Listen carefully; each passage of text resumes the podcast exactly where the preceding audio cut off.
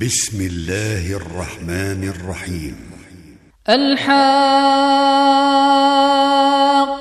ما الحاقة وما أدراك ما الحاقة.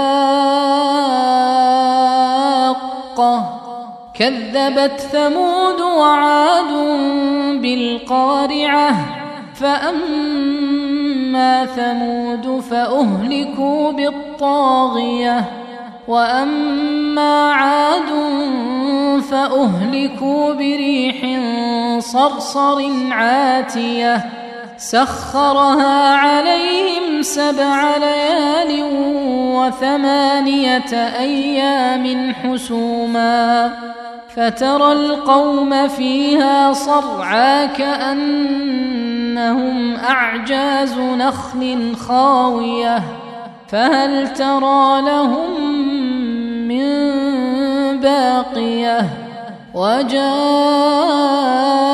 فرعون ومن قبله والمؤتفكات بالخاطئه فعصوا رسول ربهم فاخذهم اخذه رابيه أنا لما طغى الماء حملناكم في الجاريه لنجعلها لكم تذكره وتعيها اذن واعيه فاذا نفخ في الصور نفخه واحدة وحملت الأرض والجبال فدكتا دكة واحدة فيومئذ وقعت الواقعة وانشقت السماء فهي يومئذ واهية والملك على ارجائها ويحمل عرش ربك فوقهم يومئذ ثمانية. يومئذ تعرضون لا تخفى منكم خافية. فأما من أوتي كتابه بيمينه فيقول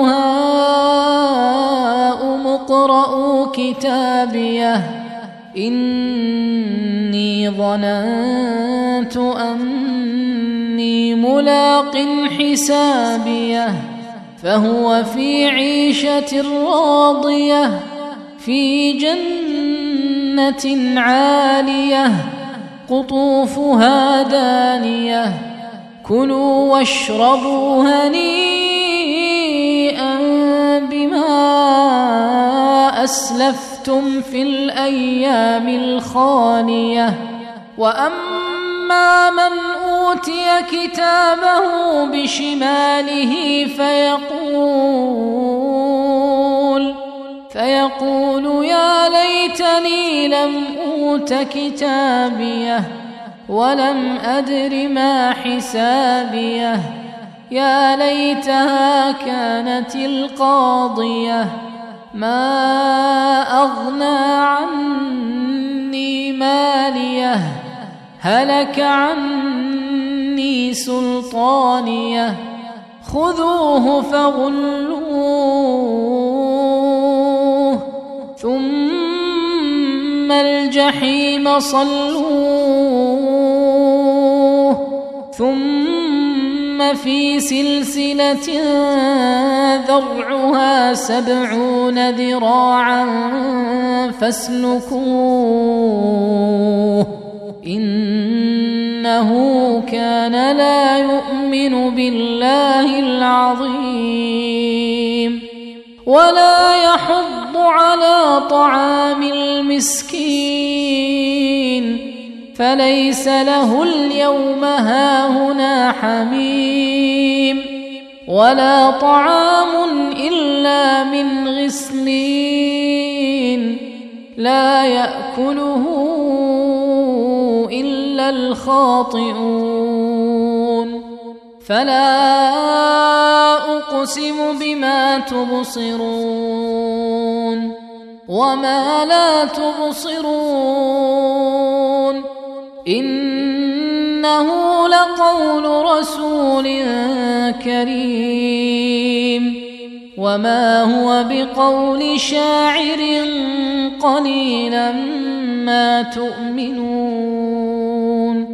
ولا بقول كاهن قليلا ما تذكرون.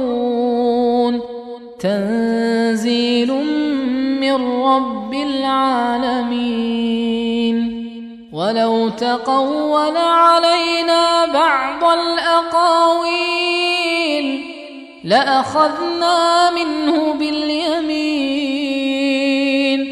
ثم لقطعنا منه الوتين فما منكم من أحد عنه حاجزين وإنه لتذكرة للمتقين وإنا لنعلم أن منكم مكذبين وانه لحسرة على الكافرين وإنه لحق اليقين فسبح باسم ربك العظيم